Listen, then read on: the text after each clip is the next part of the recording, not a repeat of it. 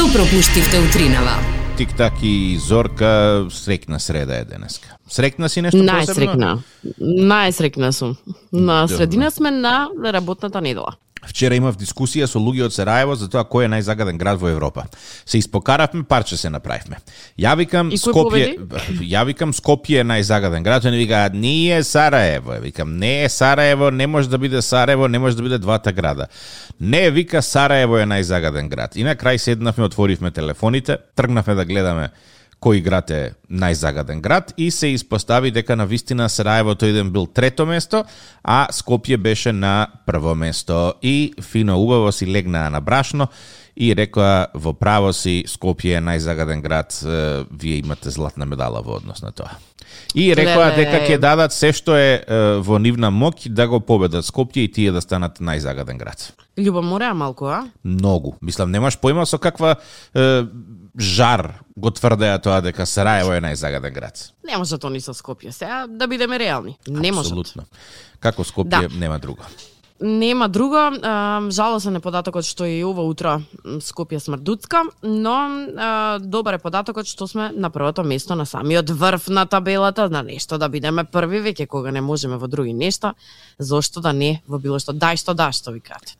Така што ете, победници. Победнички се чувствуваш, нели? Да, се чувствувам победнички. Сега ќе одам да го да го да прославам победата со едно свежо кафе. Среда е, срекна, може. добро утро. Добро утро.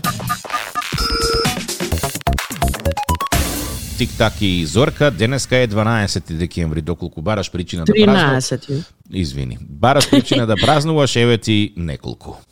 Да, денес е интернационалниот ден на коњите, не знам дали знаевте, но исто така е интернационален во, сред, во светски рамки познат денот на виолината, овој прекрасен музички инструмент.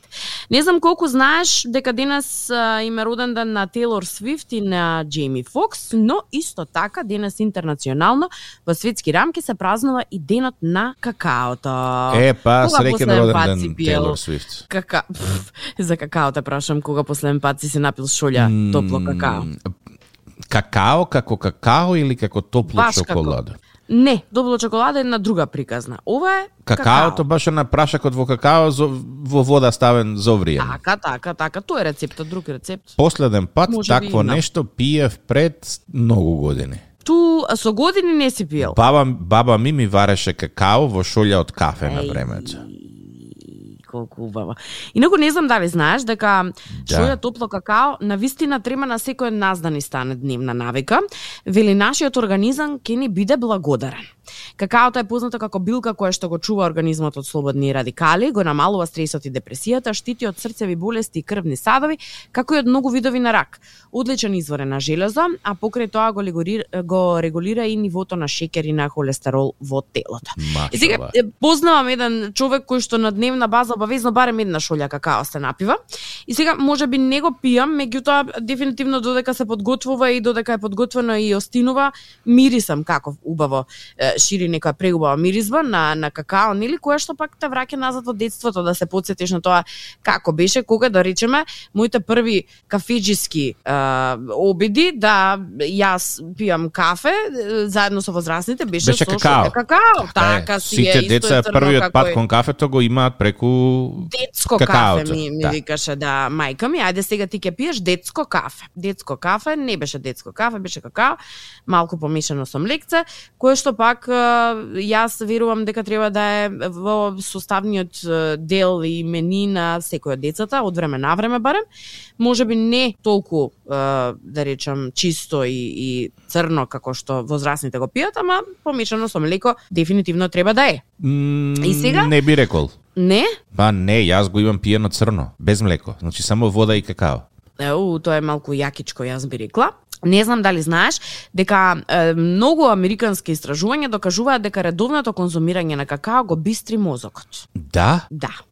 Ја забрзува циркулацијата и допирот на кислород до мозокот, со што се спречува деменција, а особено да речеме ако имате некои важни обврски денес во текот на денот, наместо кафе одберете какао. И видете ја придобивката која што ќе добиете. Ем нема кофеин, ем ќе се чувствувате многу побистри, многу по живи и дефинитивно ќе бидете пофокусирани, нешто кое што многумина од нас го бараат во текот на денот за да може да ги завршат сите работни обврски кои што тргнале да ги прават на самиот почеток.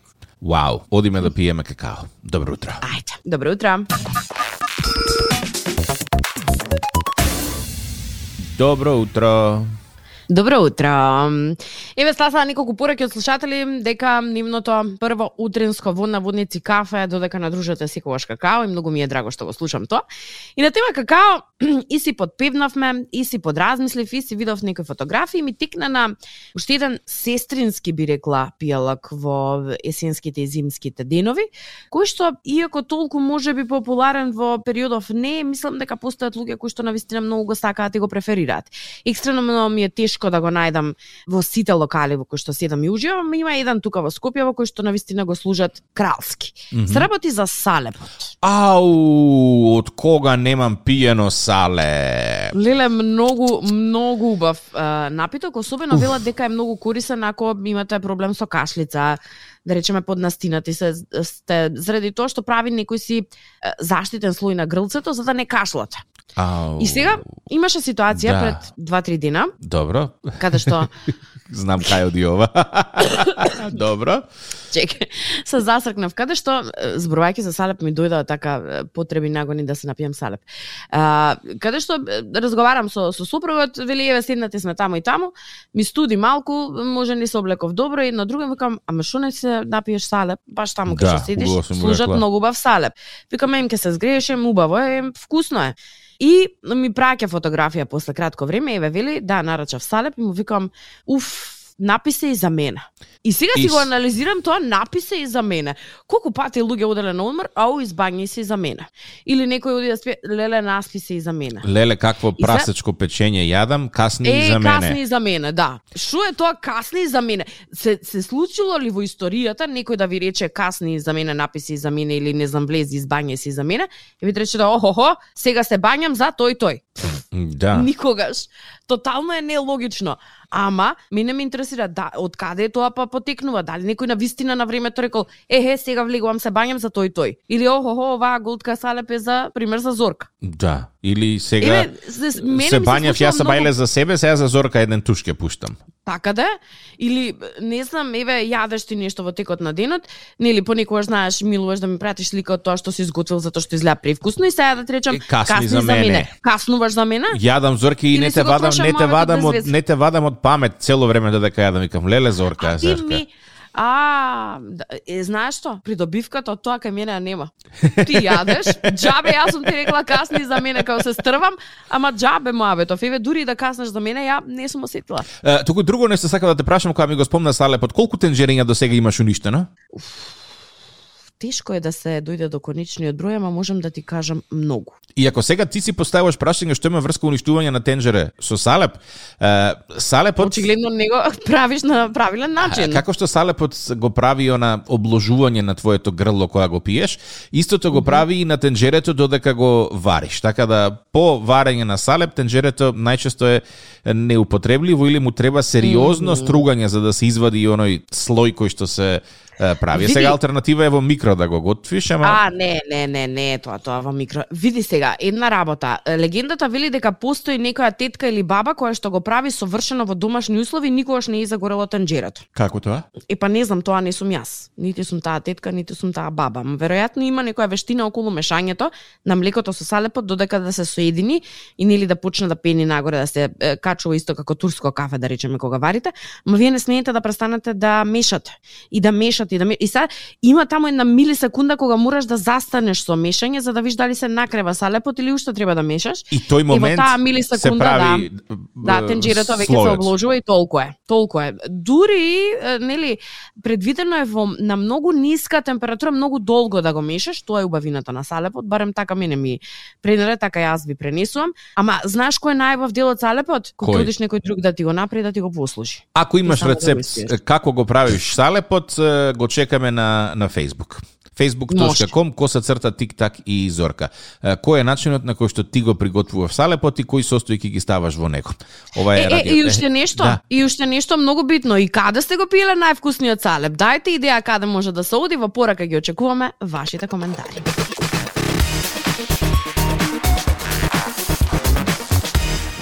Нешто што би сакал да продискутирам сега е, е филмот кој што изминативе два дена е најгледан на Netflix. Е, ги вклучува да. Джулија Робертс, е, Кевин Бейкон, еден друг Итан грд, Хок. и е тој тој беше другиот грд глумец чие што име не можев да се да го да го запомнам. Е, и филмот е, трае два сата и нешто ситно, 20 минути. меѓутоа вреди секој момент. Е сега јас на пример од друга страна бидејќи не сум баш љубител на хорор филмови, на мистерии, на трилери, повеќе сакам хахахашки да гледам и да ме опуштаат, сепак решив да му дадам шанса и моите размислувања за разлика од размислувањата на TikTok многу се разликуваат. Инаку не знам дали знаете филмот е, е направен според е, приказната, односно според книгата која што има напишана Руман Алам. Е, се вика исто така Остави го светот зад себе. Ја има и на македонски јазик сега баш случајно побарав, гледам дека и кај нас се продава истата книга. Ако сте љубители на книгата, топло ви препорачувам повеќе книгата да ја прочитате, а доколку сакате повеќе филм да гледате, еве ви филм овој викенд кој што може реално да се погледне. А, од една страна, моите размислувања за филмот се дека тотално многу лошо заврши. Тик-так вели дека заврши прекрасно. Ама нема да ти кажеме како заврши, затоа што не сакаме да ти го упропастиме доживувањето кое што ќе го имаш ко- кога ќе го гледаш филмот. Така да, е, Да. вечер или утре да кажеме, е, може би не би било лошо да м, го погледнеш филмот, а потоа кај нас на Facebook да продискутираме за истиот. Е, ретко имам гледано филм во кој што има ваква силна порака. Мгм, мгм. И, тоа е тоа што ми остави впечаток. Ја и со Зорка го дискутиравме тоа пред малку, меѓутоа незиното Пораката, да, која што ретко добрата порака која што ја остави ве- вели како што вели тик-так е, филмот, јас ја видов на средина на филмот и крајот на филмот ми е тотално промашен. Ама тик-так вели нешто друго. Многу мокино вели заврши тик-так. И сега ти си тој кој што ќе пресуди е, дали е тоа така на вистина или не е така. Баш прашува кој филм не слушна. Филмот на македонски во превод би бил Остави го светот зад себе или како беше Leave the World Behind на Да. англиски, да. Да. Нај најстримуван филм на Netflix изминативе неколку дена и мислам дека ќе остане на врвот и во иднина затоа што на вистина е добар. Па ќе видиме, јас генерално не сакам такви филмови, кога прочитав дека има језиво во себе, а тоа би беше онака границата на, на страшно језиво колку што можам да поднесам, некако се одвратив од идејата дека сакам да го гледам. Од друга страна пак еве ти со сосема поразлично размислување за тоа каков е филмот и колку е добар. А, Ти слушателу си оној следниот кој што се надевам дека ќе го погледнеш и ќе ќе ни кажеш дали си тим Зорка или си тим Тик-так кога е во прашање овој филм. И знаеш што сакам да ти кажам, за се во животот, еве, макар и за филми, за книги или за било што, постојат две спротиставени страни кои што имаат сосема поинакво размислување за една иста работа. Околу тоа како е изведено, како е, е каков е филмот така натаму, немам забелешки, ама за приказната и така како имам некои забелешки кои што сметам дека беа одвишок во филмот или не беа доволно прикажани. Е сега ти си оној кој што нели крајно мислење ќе си дадеш за филмот, ама еве ти предлог филм кој што и двајцата го погледнавме изминативе 48 часа и кој што ни остави и те како впечаток.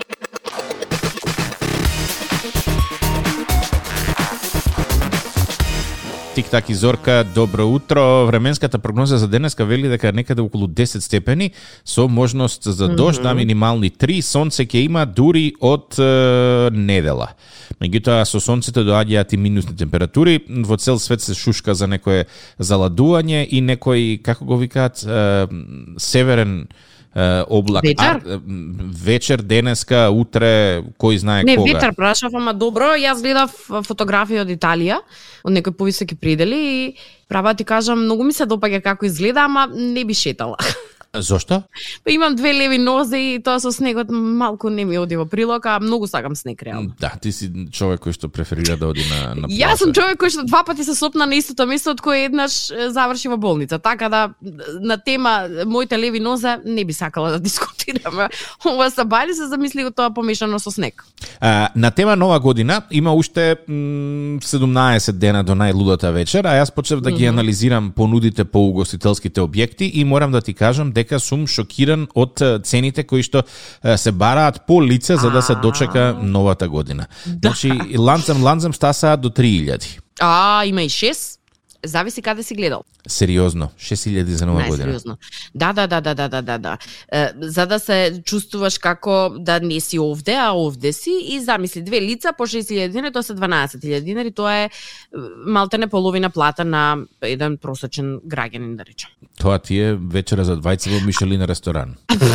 А далеку дека тоа се крајните е, суми, ако решиш да речеме таму да славиш, тука ќе додадеш и е, сума за не за пиење, пиењето е вклучено, тука ќе додадеш сума за купување на нов фустан или нова облека, да речеме панталони, кошула и така натаму. Предпоставувам дека ќе сакаш во ново и фино да се облечеш. Потоа додаја сумата и на подготовките, во смисла на тоа да закажеш фризер кој што ќе ти работи, ќе ти биде достапен во недела, ба можеби ќе сакаш и да се зашминкаш. И сето тоа кога ќе се земе предвид, тоа е една мини веридба, ама за двајца на 31.12. Така да. Па, останав без зборови. Да, и, и си велам зашто прв пат во животот си, си велам ту зашто не знаев да пеам. Е...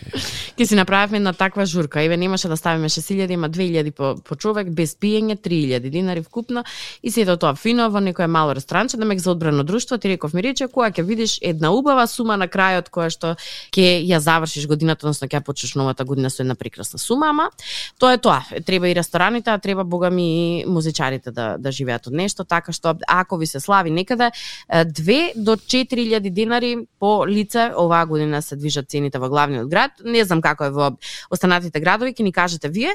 Меѓутоа цените и за патување во соседството не се многу далеку нешто од сумата која што ви ја платила за да уживате во некој ресторан овде во Скопје, така што направете го и се пати видете што е оно што најмногу ви се исплати, што е оно што реално сакате да ви се случи на новогодишната вечер. Во принцип не можам да се сетам на последниот пат кога сум славела некаде нова година надвор од домот и таа традиција и оваа година ќе ја продолжам така што журка има кај нас, ние не наплаќаме.